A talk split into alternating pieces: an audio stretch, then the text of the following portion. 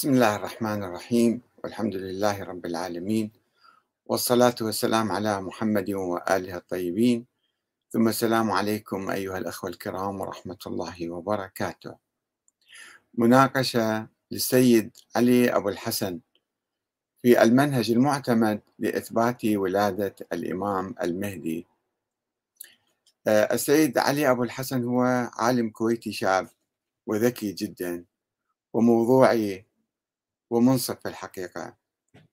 وهو آه، طلعت على محاضرة له في اليوتيوب يبدو قبل سنوات هو كان ملقيها ولكن آه، أنا طلعت عليها مؤخرا. هي تحت عنوان المنهج المعتمد في إثبات ولادة آه، ووجود الإمام المهدي. السيد علي أبو الحسن في هذه المحاضرة. يتكلم عن هالموضوع. حول إثبات ولادة الإمام الحجة عليه السلام. كثيرا ما يقع الإشكال أن الروايات ضعيفة روايات قليلة لا يوجد تواتر لا يوجد. بشكل عام آه، قبل أن أبدأ فقط أقول يعني الأخ الذي يستشكل هذه الإشكالات يعني شنو يتوقع يكون جواب الشيعة؟ يعني هل الشيعة قالوا يوما بأن ولادة الحجة عليه السلام كانت ظاهرة للناس؟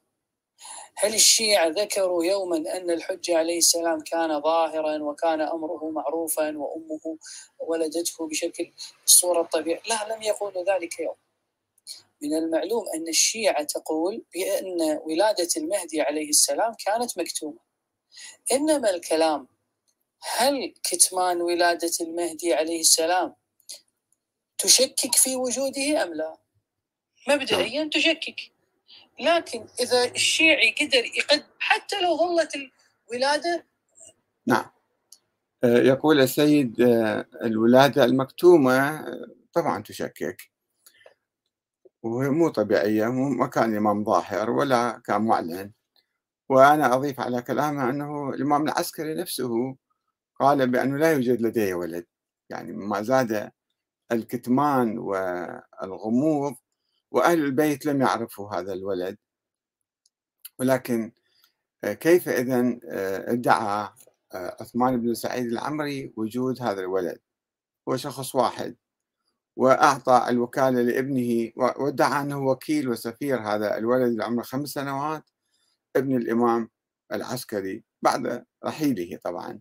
ادعى ذلك وأعطى الوكالة إلى ابنه محمد بن عثمان ثم إلى النوبختي ثم إلى الصيمة وعامة الشيعة فتشوا وسألوا حققوا دققوا لم يعرفوا ولم يطمئنوا ولم يعني يعثروا على هذا الولد. ولذلك تفرقوا 14 فرقة.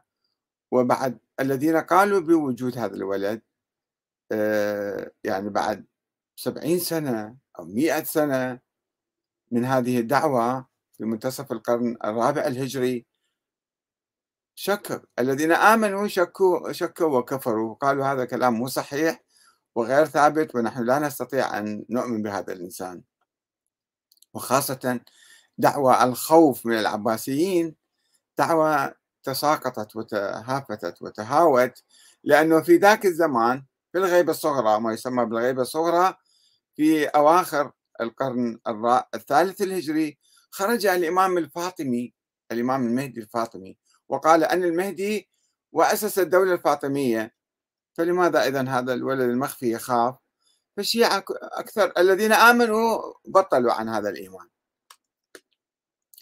ولذلك انبرى عدد من آه، متكلمي الشيعة مثل محمد بن أبي زينب النعماني اللي هو تلميذ الكليني كان توفى سنة 340 ألف كتاب الغيبة. وحاول أن يثبت وجود هذا الولد بأدلة اعتبارية استنتاجية. ما قال إحنا عندنا أدلة تاريخية على ولادته. وكذلك جاء من بعده الشيخ محمد بن علي بن بابويه الصدوق وألف كتاب إكمال الدين وإتمام النعمة. أيضا قال فيه جاب أدلة يعني ليس نستعرض الأدلة. ثم جاء الشيخ المفيد بعدهم عدد من كتبه والسيد المرتضى والشيخ الطوسي آه، كتب كتاب الغيبة أيضا. وحاولوا إثبات وجود الولد عندما بدأوا يأسسون مرة ثانية حملة مضادة لموجة التشكيك بوجود هذا الولد ووجود الإمام الثاني عشر فجابوا أدلة عديدة. الأدلة التي جاءوا بها هي إما أدلة روائية أو أدلة عقلية. أما الدليل التاريخي فلم يوجد ولم يأتوا به أصلا. يعني قالوا هم كانوا يعرفون هذا في القرن الرابع. واحد ادعى قصة حكيمة وولادة النرجس بالسر وما شابه ولكنها دعوة متهافتة جدا من الغلاة من النصيرية أول واحد آه، يعني قال بها. والشيعة قالوا هذه رواية يعني صحيحة ضعيفة وما ما نقدر نعتمد عليها. الدليل التاريخي كان دليلا مضادا لوجود هذا الولد. يعني الإمام الحسن العسكري عندما يعلن أنه ما عنده ولد حجة كلامه حجة. وأمام القاضي في المحكمة القاضي الحسين بن أبي الشوارب في محكمة سامراء. فكيف يمكن إحنا نجي نقبل أنه الإمام العسكري عنده ولد؟ هذا حرام. لا يجوز شرعا إنسان عادي ما يمكن إحنا نثبت له ولد بعد وفاته غصبا عنه. هذا الشيء غير منطقي. ولا يجوز هذا الكلام. فكيف بعد 100 سنة 200 سنة يجي الشيخ الطوسي والشيخ الصدوق والنعماني والمفيد والمرتضى يحاولون إثبات بأي دليل الأدلة الروائية كما قال آه، السيد علي أبو الحسن. يعني إحنا ما نجيب أدلة روائية يقولون هذه الرواية مو متواترة والعقيدة يجب أن تبنى على الروايات المتواترة أو القرآن الكريم أولا. ويقول إذا جبنا لهم روايات قالوا هذه الرواية مو صحيحة أصلا. هذه الروايات مو صحيحة أو مو متواترة فليست حجة الروايات. طيب ما هو الدليل الأقوى الذي جاء به الاثنى عشريون الذين افترضوا وجود ولد الحسن العسكري؟ يسموه الدليل العقلي. الدليل العقلي باختصار هو دليل فلسفي. دليل كلامي نظري يعني وليس دليلا عقليا بحتا. يقوم على عدة مقدمات المقدمة الأولى فقط هي عقلية أنه الأرض لا يمكن أن تخلو من إمام. يعني ما يصير فوضى بالدولة لازم أكو حاكم إمام يعني حاكم. ثم يأتون الإمامية يقولون هذا الإمام يجب أن يكون معصوما. يجب أن يكون معينا من من قبل الله. يجب أن يكون من السلالة العلوية الفاطمية الحسينية الموسوية هكذا. وأن الإمامة تتسلسل إلى يوم القيامة في الأعقاب وأعقاب هكذا أبدا إلى يوم القيامة. وأنها لا تكون في أخوين بعد الحسن والحسين.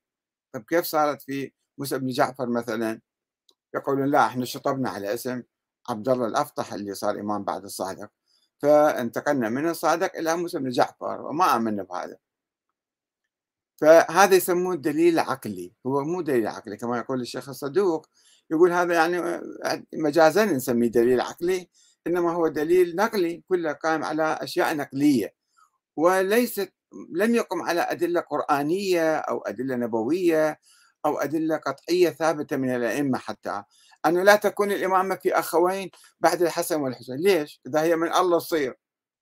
لا تكون في أبناء العم أو أبناء الأعمام ولا لماذا؟ إذا هي من الله تصير في أي واحد كان.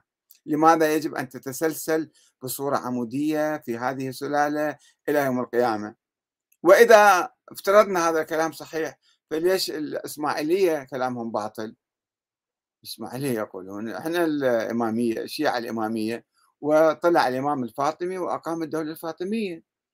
فهذه الأدلة التي يوردها الإماميون الاثنى عشريون لم تقم على أدلة قطعية. آه، السيد آه، علي أبو الحسن فعلا يعني يبدو عليه إنسان موضوعي ومتفتح وشاب يعني ذكي أيضا وهو يقول صحيح إحنا الشيعة لم يقولوا أن الإمام المهدي كان ظاهرا أو أن ولادته كانت طبيعية أو كانت ظاهرة لا كان في كتمان وغموض وسرية وكذا. هذا التاريخ الشيعي يقول ذلك. آه، ولكن كيف تثبت وجود وولادة محمد بن حسن العسكري وغيبته وطول عمره إلى اليوم؟ هذه أسئلة كلها مهمة جدا. هو في باله في ذهنه يقول إحنا نعتمد آه، منهج معين. وهو في الحقيقة يعتمد على المنهج العقلي اللي يسموه العقلي يعني المنهج الفلسفي. آه، ويفترض وبالتالي يؤكد مقولة أن آه، مسألة محمد بن الحسن العسكري ليست حقيقة تاريخية ما بها أدلة تاريخية وإنما هي فرضية فلسفية. وأرجو أن يسمعني ويرد علي إذا أنا أخطأت وكلامه بإمكانكم تراجعوه في آه، في اليوتيوب هو في موقع اسمه الباحث بالعربي أو بالإنجليزي تكتبون الباحث يطلع تحت هذا العنوان المنهج المعتمد في إثبات وجود الإمام المهدي عليه السلام ويتحدث عنده عدة محاضرات حول موضوع الإمام المهدي. فإحنا نشوف شنو ماذا قال الأخ السيد علي أبو الحسن؟ يقول صحيح مبدئيا واحد يمكن يشكك أنه ماذا كيف تثبتون وجود هذا ولكن يقول إذا استطاع الشيعة أن يثبتوا آه، بأدلة أخرى وجود هذا الإنسان فيمكن يعني آه، ويقول المنهج يبتنى على تأسيس القواعد ثم إثبات وجود الإمام. أول شيء خلينا نثبت نأسس القواعد حتى نجي بعدين نقول هذا الإمام موجود ولا ما موجود ويلخص الكلام في عشر دقائق إذا واحد يحب يسمع الفيديو للأخ بإمكانه أن يتابع. يقول ثم ننتقل من القاعدة إلى التطبيق ويجيب قصة الإمام العسكري نفسه. الإمام الحسن يجيب روايات أن الإمام الحسن العسكري نفسه نفسه آه، أو نفسه. شك به الشيعة صار اختلاف حوله. يعني لأنه الإمام الهادي علي الهادي أوصى إلى ابنه محمد سيد محمد المدفون في بلد أن يكون هو الإمام من بعده. ثم توفي في حياته. فقال الإمام علي الهادي لقد آه، بدأ لله في محمد كما بدأ في إسماعيل ابن جعفر الصادق. شلون هو كان الإمام الصادق معينة إمام من بعده ثم مات في حياته وأنا نفس الشيء عينت هذا آه، محمد بعدي ومات في حياتي فقد بدأ لله في محمد كما بدأ في آه، إسماعيل. وهنا حصل خلاف بين الأخوين المتبقيين بين جعفر الزكي وبين الحسن العسكري أنه ياهو الإمام راح يصير بعد الهادي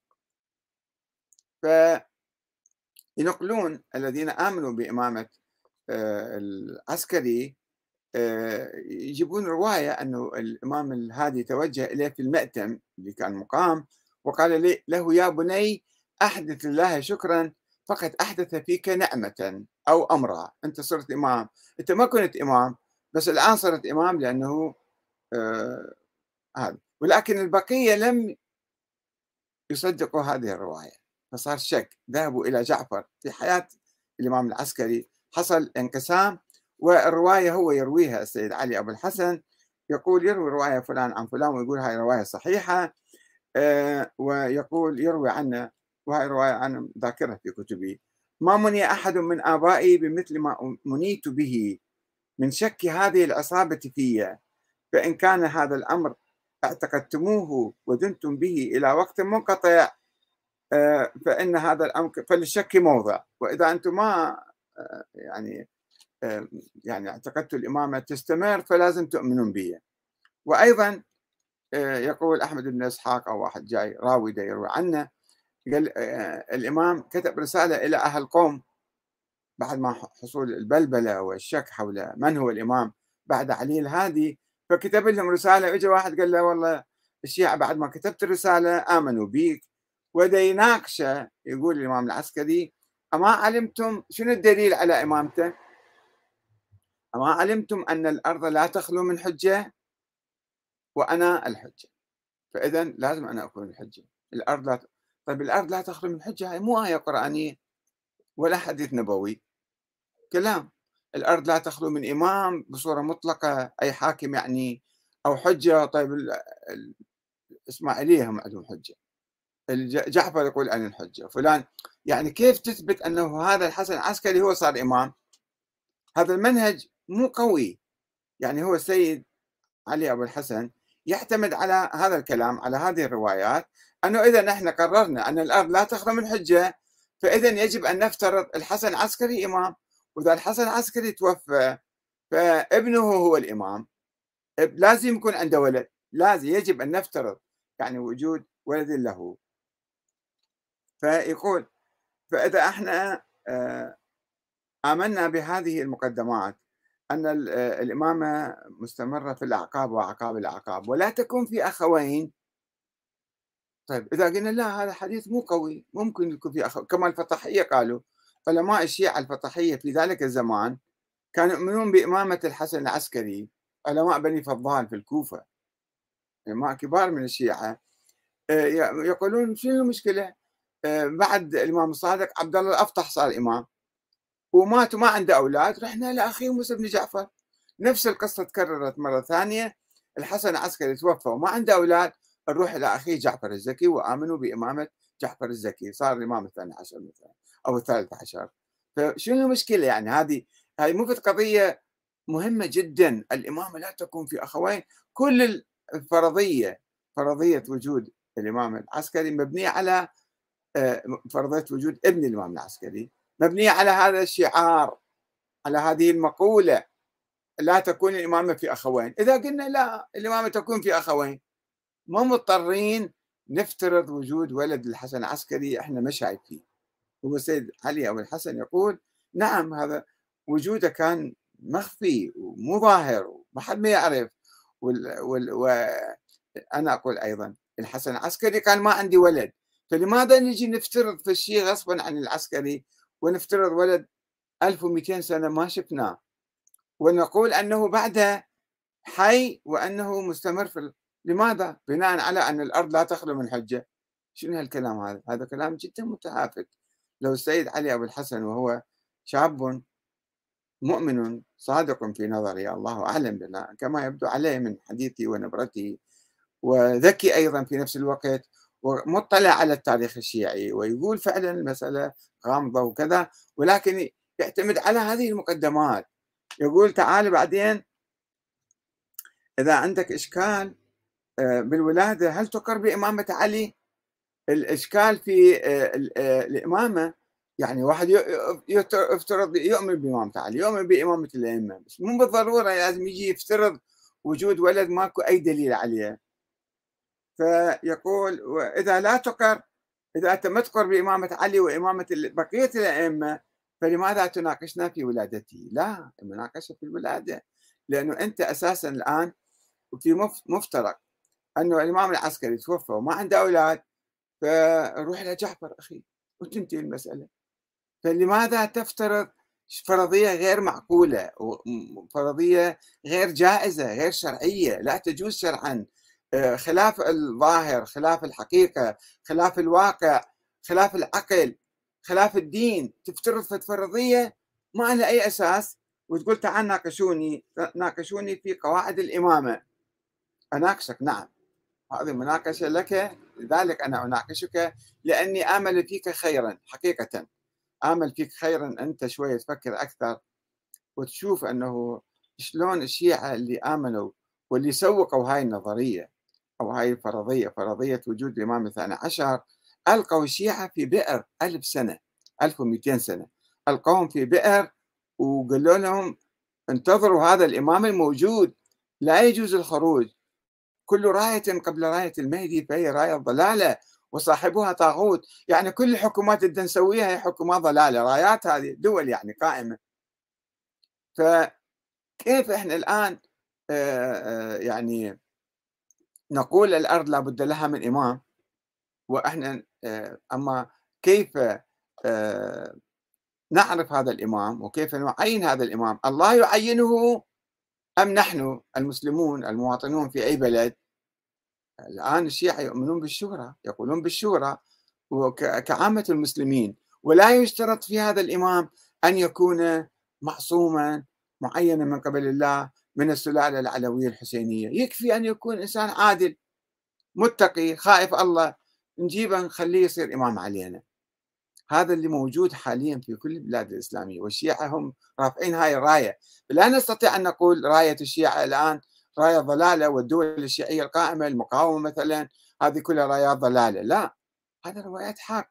بس النظرية الإمامية هي وصلت إلى طريق المسدود المسوية على الأقل الإسماعيلية حتى الآن عندهم أئمة ظاهرين ومختفين. بعضهم مختفين وبعضهم ظاهرين حسب الفرق المختلفة عند الإسماعيلية. ولكن الاثنى عشرية آه، هاي النظرية وصلت إلى طريق المسدود. وانتهت وانقطعت وبادت وراحت يعني. فالباقي رجعنا للعقل رجعنا للقرآن رجعنا للشيء الطبيعي أن الإمام إحنا ننتخبه. أما أنه تقول بناء على هذه القاعدة أن الإمام لم يمت هاي أيضا فرضية عجيبة غريبة. أنت شفت الإمام؟ ما شفته ولا أحد شافه. كيف نعرف أن هذا الإمام ما مات؟ على فرض وجوده على فرض أنه هو الإمام. فهذا شوفوا خلينا نخرج. أنا أوجه رسالة حقيقة أخوية مخلصة وصادقة للسيد علي أبو الحسن. وأتمنى أشوفه. ما عندي رقم تليفون. إذا واحد عنده رقم تليفون يعطيني إياه حتى أتصل به مباشرة. آه أنه أنت رجل مؤمن صادق محب لأهل البيت. بس فكر هاي النظرية نظرية الإمامة الإلهية ليست نظرية أهل البيت. أرجو منك أن تدرسها بعمق أكثر.